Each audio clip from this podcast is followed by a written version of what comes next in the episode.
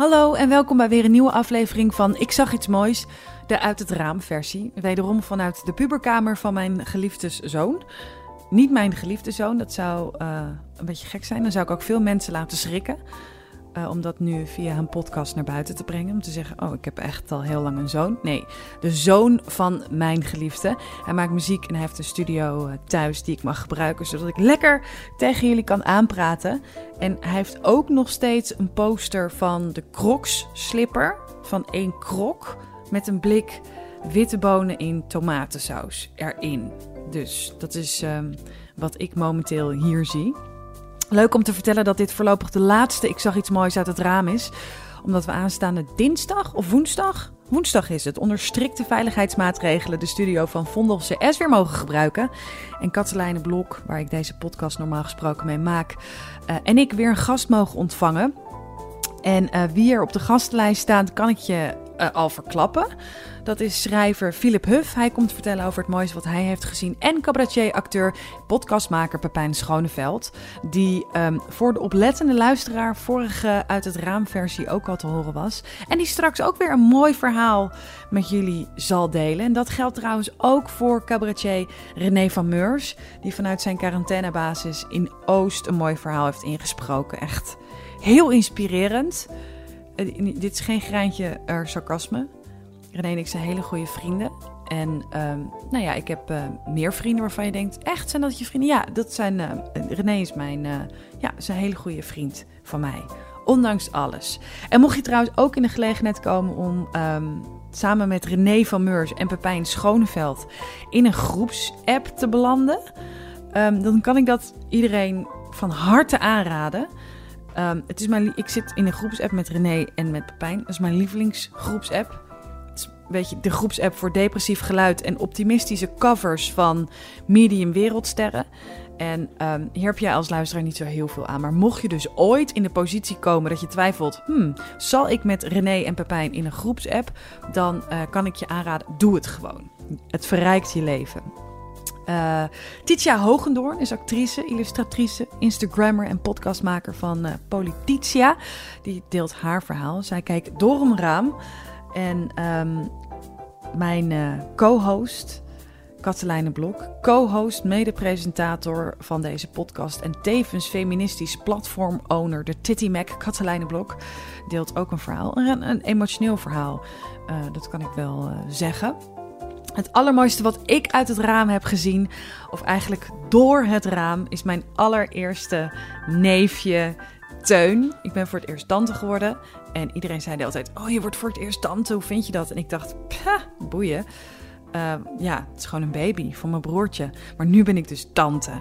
En uh, hij is een paar dagen geleden geboren en ik mocht op raamvisite. Dat is de corona-kraamversie voor kraamvisite. Corona voor kraamvisite is dat eigenlijk. Um, en hij heeft hele ronde oren en hij kijkt net zo boos als mijn broertje. En ik denk dat het het allermooiste is wat ik ooit uit of door een raam heb gezien. Teun. Sommige dingen veranderen nooit. Ook niet op afstand. Het eerste verhaal waar je naar gaat luisteren is het verhaal van Katelijne Blok. Hallo lieve, lieve allemaal, lieve Malou. Ik kan niet wachten totdat we weer um, samen wellicht met anderhalve meter tot twee meter afstand bij schone uh, plopkappen kunnen praten over de mooie dingen die we in Amsterdam hebben gezien in de Vondel CS bunker. Uh, voor nu neem ik deze podcast op in uh, mijn kamertje, in mijn slaapkamer. Ik heb de gordijnen dichtgetrokken en ik heb de deur dicht. Um, zo goed als dicht, althans. Mijn kat die probeert af en toe naar binnen te komen. Dus het kan zijn dat je een krakend geluid van de deur hoort gaan. Um, want op deze plek heb ik namelijk het beste geluid. Ik hoop dat je zo min mogelijk echo hoort. Um, en ik zit hier te praten boven mijn uh, podcastapparaatje. En uh, ik heb weer een, een, mooi verhaal voor jou. Mijn mooie verhaal zou eerst iets heel anders zijn wat ik jullie wilde vertellen. Iets wat ik had gezien buiten tijdens een van mijn wandelingen. Um, of op mijn balkon, als ik in de avond naar boven kijk. De mooie heldere sterrenhemel die je kan zien. Maar ik heb eigenlijk iets anders. ehm, wat ik wilde vertellen. Iets wat ik eigenlijk het mooiste vind wat ik tot nu toe heb gezien. Um, en deze periode. En dat me ook nog eens een keer extra realiseerde. En het is uh, gek om dit ook zo aan jullie te vertellen. Terwijl ik ook niet weet nog wat jullie verhalen zijn. En uh, um, hoe dat ook weer. Ja, Malou gaat het allemaal in elkaar knippen. Hoe dit allemaal weer samen bij elkaar valt. Want mijn verhaal is iets emotioneler. Um, dan misschien normaal gesproken ik deel. Um, ik heb al verteld over iemand in onderbroek met een trompet op het balkon. Tot aan uh, een zoenend stel op het pontje. Um, maar nu gaat mijn verhaal over het feit dat ik, uh, ja, ik uh, mijn familie heb gezien. Um, ik heb. Um, uh, ik, ben, ik woon hier in Amsterdam op mezelf. Met mijn Klaas, de kat, als mijn enige huisgenoot. De enige persoon die ik kan aanraken. En um, ik ben van de week, voordat ik deze podcast opmaak, opnam. ben ik op bezoek gegaan bij mijn ouders. Mijn ouders wonen in een stadje in de buurt van Den Haag. En um, ja, ik kan er niet makkelijk komen. Ik heb geen auto. Ik uh, neem de trein nu niet. Ik probeer echt afstand te bewaren van iedereen. En dus ook niet um, mensen in gevaar te brengen. Maar um, van de week hoorde ik dat mijn uh, uh, moeder en vader, maar vooral mijn moeder, ontzettend verdrietig was. Um, een kennis van haar is namelijk heel erg ziek en daar gaat het niet goed mee. En ik wilde er voor haar zijn. En het eerste wat je dan doet is, je wil naar diegene toe, naar diegene die verdrietig is. Uh, zou je vast wel herkennen, je wil die persoon, wil je eigenlijk, je wil zo snel mogelijk daar die persoon helpen, die persoon vasthouden, die persoon steunen in dat verdriet. En ook naar die kennis, ik, ik ken die persoon heel goed, daar, wilde ik, daar wil ik ook naartoe, daar wil ik naar zijn, dat is je eerste gevoel. Alleen dat kan niet. Um, en dat maakt het ook nu gewoon moeilijk. En ik denk voor heel veel mensen, ook mensen die, uh, uh, ook te maken hebben nu met verdriet, met pijn, met verlies.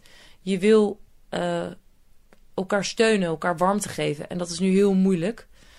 Um, maar toch van de week, uh, toen ik mijn moeder aan de telefoon had. En toen ze ook heel emotioneel was aan de telefoon. toen heeft uiteindelijk heeft mijn broer, mijn broer is ook dokter nu. Die was al dokter trouwens. Die heeft mij opgehaald met de auto. En we hebben anderhalve meter uh, in de auto zelfs gehouden. Ik zat op de achterbank als soort private driver. Uh, driver reed hij mij naar onze ouders toe. Uh, natuurlijk met desinfecterende handgel en handdoek in de aanslag. auto in, auto uit. Alles gesopt van je handen wat maar zijn kan. En daar liepen we naar binnen. Ons huis, ouderlijk huis, pad op. En stonden onze ouders helemaal ready met een feestmaal, feestdrankjes, uh, asperges, jawel, het witte goud. Zaten ze in de tuin, anderhalve meter ertussen, tussen ons in. Wij onze eigen bak met nootjes, ons eigen bakje pindatjes en ons eigen bakje olijven. Zij hun eigen bakjes olijven en pindatjes. Uh, mijn ouders die met uh, drie meter omheen probeerden wijn in te schenken. Wij ons eigen fles wijn, ons eigen twee glazen. En daar hebben we gepraat over het leven, over het leven vieren, maar ook het leven missen. Um, en het was zo ontzettend fijn om hen te zien, om elkaar te zien.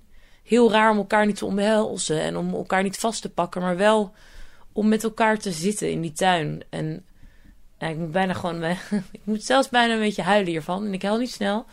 Maar om elkaar te zien in, uh, in die lentetuin, weet je, met de bloemen en dat warme weer, weet je, dat je denkt, jaar geleden zaten we heel onbezonnen, zaten we hier. En, uh, en ook dat je merkt hoe geprivilegeerd, weet je, wat een privilege je hebt, dat je überhaupt in zo'n, in zo'n, weet je, op zo'n moment met een fijn dak boven je hoofd uh, hier zit. Maar ook dat je uiteindelijk merkt, waar draait het allemaal om? Het draait om elkaar, om mensen om wie je geeft, om gezondheid en elkaar kunnen steunen. En zolang we elkaar even niet kunnen aanraken, dan maar op deze manier, maar om er voor elkaar te zijn. En mijn mooie moment van deze week is, is misschien iets anders dan normaal, maar wel iets wat eigenlijk misschien we soms te normaal vinden, namelijk wij, zij, wij, elkaar, je beste vrienden, je familie en het leven. En het mooie wat ik heb gezien is dus dat. Het leven voor ons en om ons heen.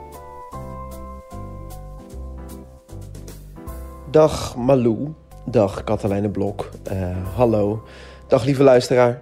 Uh, René van Meurs hier, wederom. Um, ik wil eigenlijk, uh, voordat ik vertel wat ik voor moois gezien heb... Um, even iets rechtzetten naar aanleiding van de vorige keer dat ik te gast was in deze podcast. Um, ik heb toen gezegd dat ik veel meer respect had voor Katelijne dan voor Malou... Um, wat door sommige luisteraars zelfs opgevat is als in dat ik helemaal geen enkel respect zou hebben voor Malou. Maar dat, dat is niet waar. Want, want Malou en ik, wij zijn hele goede vrienden. Um, en ik vind het juist heel knap hoe zij, ondanks al haar beperkingen, zich toch zo kranig door het leven slaat. En um, daarbij zijn wij zulke goede vrienden dat Malou menig foto en voiceclip van mij op haar telefoon heeft staan... waarmee ze in principe mijn leven, mijn carrière en mijn, mijn alles kapot zou kunnen maken... als zij dat uh, openbaar maakt. Um, maar het, staat natuurlijk buiten kijf dat dat niet de reden is dat ik dit nu uh, rechtzet. Um, goed, uh, René van Meurs hier, nog steeds, nog steeds in quarantaine... Zoals we allemaal nog steeds in quarantaine zitten. Ik zit nog steeds thuis. Um, dat betekent dat ik dat ik niet meer optreed. En uh, we hebben deze week de persconferentie gezien van Mark Rutte... waarin aangegeven werd dat evenementen ook opgeschort werden tot 1 september... Uh, dat betekent dat ik ook echt tot 1 september niet ga optreden. Dat ik geen voorstellingen speel in het theater. En dat tot die tijd mijn leven een aaneenschakeling is van treurnis en hetzelfde. Dat is inmiddels vaak mijn antwoord als mensen vragen hoe gaat het met je, dan zeg ik hetzelfde. Ik heb het idee dat ik uh, de loop die deze quarantaine is, inmiddels helemaal rondgegaan ben. En dat de dagen zich beginnen te. Ik zit in mijn cyclus. Ik heb mijn cyclus uh, heb ik voltooid. Ik ben opnieuw begonnen. En, um, en dit is de week waarin ik, waarin ik het zwaar heb. Ondanks, ondanks het lekkere weer. Um, ik ben naar buiten gegaan, dat wel. Ik ben, uh, ik ben naar het strand gegaan. I had a date with destiny, om het zo maar eventjes uh, te zeggen. Um, en het strand is niks voor mij, omdat ik ben helemaal oranje van mezelf. Dus ik moet, ik moet smeren. Um, vaak, vaak en veel en, en dik moet ik smeren. Dus ik heb in principe niks te zoeken op het strand. Maar ik was met iemand naar het strand en wij zaten daar. En uh, dat was eigenlijk heel leuk. Het strand beviel me voor het eerst heel goed. En um, ik zag daar iets moois. Ik denk dat wij, uh, dat wij een middagje op het strand gezeten hebben. Uh, mijn date with Destiny en ik. Um, en het weer was lekker en het, het, het briesje waaide over het strand... waardoor ik compleet vergat dat de zon scheen... en ik uh, rozer naar huis ging dan ik ooit geweest ben. Um, maar wij zaten denk ik een paar uurtjes op het strand en toen... Het was niet heel druk. Het was niet heel druk op het strand. Mensen hielden netjes afstand. Ik zat ook keurig op anderhalve meter van alles en iedereen.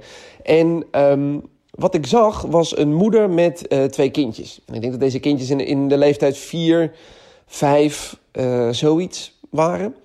En die waren aan het spelen. Ze waren een, een, een zandkasteel aan het bouwen. Water daarheen, grachtjes graven. Uh, je kent het wel. Jongetje en een meisje.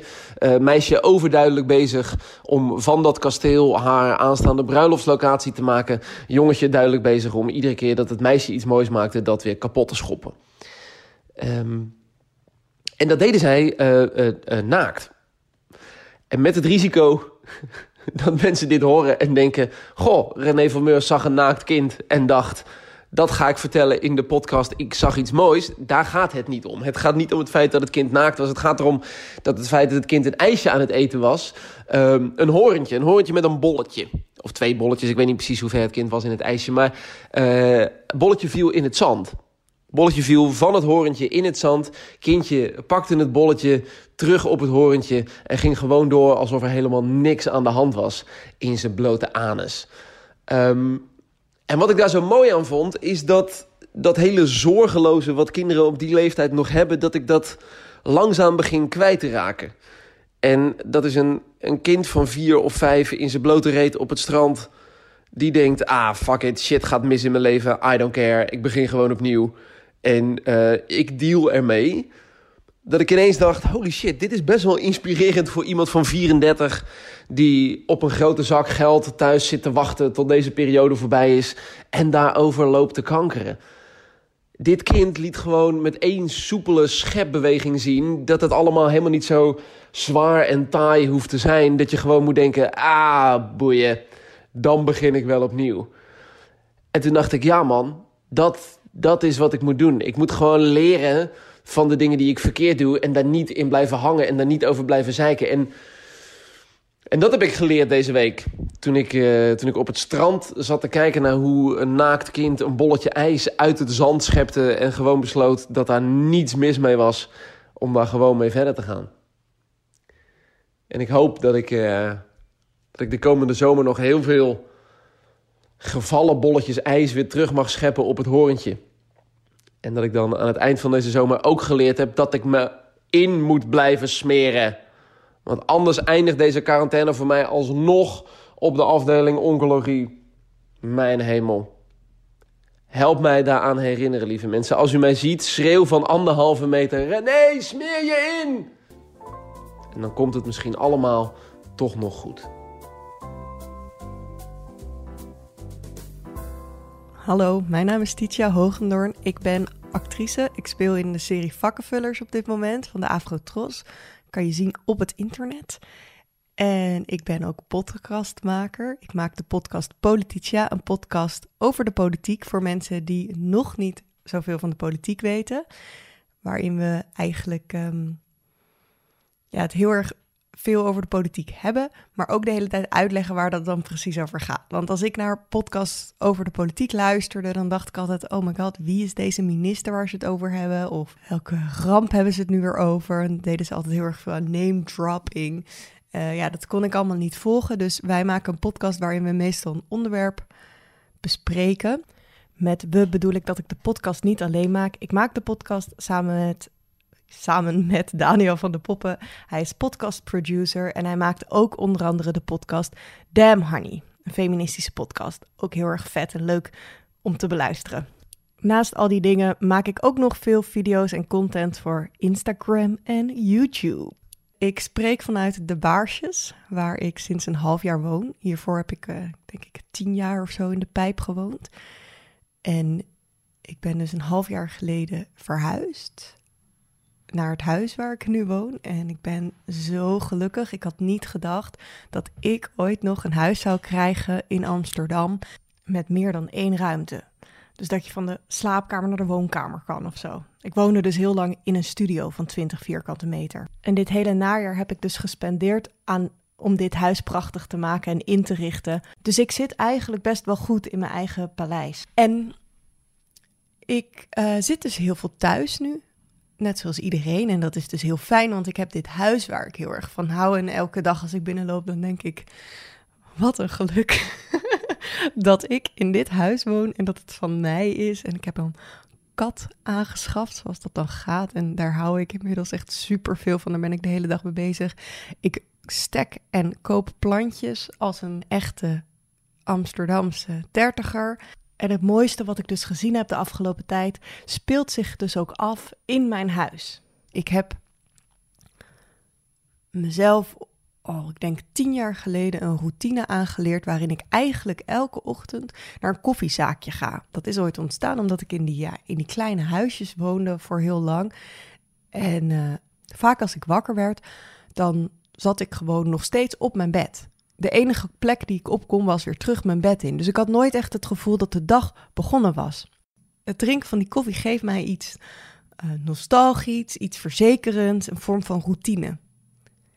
En ik, eh, het is te heftig voor mijn maag om, om alleen koffie te drinken. Dus ik moet daar van dit havermelk in. En toen dacht ik, weet je wat, ik ga zo'n schuimertje voor mezelf kopen. Ik kan natuurlijk wel elke ochtend in een pannetje op gaan warmen. Maar uh, dat uh, zorgt voor afwas. en is nooit zo lekker en nooit zo schuimerig. Nou, ik, ik heb een uh, vriend die ik altijd vraag wat ik moet doen als ik uh, zelf geen keuzes kan maken in dit soort dingen. Of als ik zelf niet weet welk schuimertje ik dan moet kopen. Dus ik vroeg aan hem, welk schuimertje heb jij? Ik, ik dronk wel eens bij hem op zijn kantoor koffie. En toen heeft hij me gewoon een linkje gestuurd naar dat schuimertje. En toen heb ik dat schuimertje besteld. Dat opschuimapparaat kwam binnen en ik maakte de lekkerste koffies. Ik begon met een French press koffie zetten. En dan het melk op te schuimen dat bij elkaar te doen. Ik heb namelijk geen koffieapparaat, want ik ging elke dag koffie drinken buiten de deur. De French press is een soort glazen kan waar je dan een laag koffiezaagsel in doet. Daar doe je heet water bij, dan meng je dat, dan laat je dat even lekker trekken. En dan duw je een soort zeef van boven naar beneden de, de maling, dus de koffiebonen, naar beneden, zodat alleen aan de bovenkant de koffie overblijft, de espresso. En inmiddels heb ik het perfecte koffiereceptuur gevonden. En ik dacht, ik neem anders de microfoon nu even mee naar de keuken. Ik weet niet of de draad het redt. En dan maak ik het uh, terwijl, we, terwijl we aan het praten zijn. En met we bedoel ik ik. Dat is meestal het geval. Zet het apparaat op de ontvanger neer. En ik druk op aan.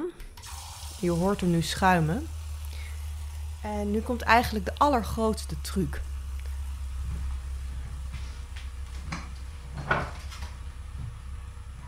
In plaats, in plaats van dat ik uh, de melkschuim apart maak en de koffie apart maak, pak ik een pakje Nescafé Espresso oploskoffie. En met een pakje bedoel ik zo'n stick. En die gooi ik terwijl dat melk aan het schuimen is. Je hoort het, ik zal het even dichtbij doen. Gooi ik. Je hoorde net de koffiepoeder in het melk vallen. En wat er nu gebeurt is het mooiste wat ik heb gezien de afgelopen tijden. Is die koffie, die mengt zich met dat schuim. En dat krijgt een soort kleur alsof je in een, uh, ja, een soort ijskoffiezaak staat, waar ze echt de meest romige koffiesmaak ijs hebben. Want het blijft ook maar groeien, omdat dus die melk die in die melkschuimer zit, dat is speciale schuimmelk. En dus in dat apparaatje, dat draait dan keihard rond en langzaam wordt het wordt die schuim romiger, maar ook wat bruiner. Dus die koffiepoeder, oh, het is nu klaar met een bel. En het ziet er prachtig uit. Nu, als ik, als ik uh, niet aan het praten was ik had goed opgelet. Ik heb dus inmiddels ook voor mezelf een flesje vanille koffiesiroop gekocht. Dan had ik dat er nog doorheen gedaan. Dat doe ik nu achter, of dat doe ik nu in mijn kopje. Ik heb een kopje in de vorm van een, van een hagedis. Gekregen van een boertje. Ik doe nu een scheutje vanille. Siroop van in. En dan schenk ik. Eerst wals ik die koffie even. Dus ik draai, hem, draai dat kommetje waar die koffiemelk, koffiesubstantie nu in zit even rond. En dan schenk ik het erin. En dan spoel ik hem gelijk. Dit is een heel belangrijk onderdeel van het recept. Spoel je gelijk dat uh, die melkschuimer weer een beetje met koud water om. Want die melk dat gaat enorm snel eraan zitten. Eigenlijk moet je hem elke keer na gebruik afwassen. Ik wens jullie allemaal fijne dagen. Luister naar mijn podcast over de politiek als je bang bent dat je niet snapt wat er allemaal gebeurt nu tijdens de corona. En uh, het gaat je goed. Doei. Hallo allemaal. Ik ben Pepijn Schoneveld en ik ben de maker van de podcast Pep Talk. En twee weken geleden stond er een artikel in de NRC over mijn podcast. En in dat artikel stond dat Pep Talk de cabaret-podcast van Nederland is. En ik vertel jullie dit niet om te zeggen dat Pep Talk de cabaret-podcast van Nederland is. En dat jullie allemaal moeten gaan luisteren naar die podcast. Maar ik vertel jullie dit omdat het cruciale informatie is voor het volgende verhaal. Ik uh, heb sinds kort een nieuw huis. En in dat huis ben ik heel erg veel aan het klussen. En omdat ik niet naar van die hele grote bouwmarkten wil, haal ik heel veel van mijn spullen in een klein winkeltje bij mij in de straat. En dat is de winkel IJzerhandel Liefhebber FA in de Pretoriëstraat in Amsterdam Oost. En in die winkel werken twee mannetjes, meneer Jansen en Joop. En ze zijn allebei in de 60 en het lijkt wel of ze recht uit het universum van Wallace en Gromit gelopen zijn. De een die draagt altijd de door zijn vrouw gebreide truien en de ander was vroeger schilder en praat met een plat Amsterdams accent. En die twee uh, soms wat Norse mannetjes, die geven je altijd het gevoel dat je echt de allerslechtste klusser van Nederland bent. En dat je een debieltje bent en dat je geen recht hebt om te bestaan. Zo vertelde meneer Jansen mij ooit dat als je een bout hebt en die is te lang en je wil die afzagen met een ijzerzaagje, dan moet je er altijd voor zorgen dat je van tevoren de bout er al op hebt gedraaid. Uh, want als je hem dan uh, af hebt gezaagd, dan kan je de bout er afdraaien en dan moet je de bout een beetje zo over het stukje heen draaien uh, wat gezaagd is. En dat is namelijk zo omdat het schroefdraad is een beetje kapot gegaan door het zagen. Dus als je de bout er af en toe dan overheen draait, dan is het schroefdraad weer goed en dan kan je de bout gewoon gebruiken. En uh, toen meneer Jansen dit aan mij vertelde, reageerde ik met: Oh, wauw, dankjewel voor deze tip. En toen keek hij mij aan en toen zei hij: Nou, dit is blijkbaar de eerste keer dat je dit hoort. Meneer wist het weer niet. En iedereen met een ego zou dat niet trekken. Maar als je goed luistert en kijkt, dan zie je dat ze doorspekt zijn met ironie en een hele grote liefde hebben voor klussen en mensen. En het leuke is, als je dat door hebt, dan kan je een hele grote mond terug hebben. Zo loop ik altijd de winkel uit en dan zeg ik dingen als... Uh, oh, jullie, jullie hebben me weer financieel uitgekleed. De volgende keer ga ik wel gewoon weer naar de praxis.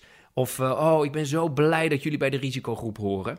En dit meen ik natuurlijk allemaal niet, want ik houd van deze twee mannetjes. En wel om het volgende. Vorige week kwam ik binnen met weer een vraag en een hoop frustratie over een, over een schroefje dat weer te klein was. En Joop zag dat ik de winkel binnenkwam, spoedde zich naar achter, kwam terug en gaf mij het uitgeknipte artikel van de NRC, die meneer Jansen voor mij uit had geknipt. En hij gaf me dat artikel en toen zei hij: Je stond in de krant, jongen, hier, neem mee. En terwijl Joop alweer naar de schroefjes liep, omdat hij zag dat ik weer een hoop schroefjes nodig had, stond ik even stil. En even was er geen corona, een economie die op instorten staat, werkloosheid, de dood van mijn vader, depressie, liefdesverdriet, jeugdtrauma's, verlatenheid, torenhoge, niet waargemaakte ambities, slechte recensies in de Volkskrant en een diepgewortelde zelfhaat meer. Ik kan inmiddels goed klussen en heb er een absoluut favoriete winkel bij.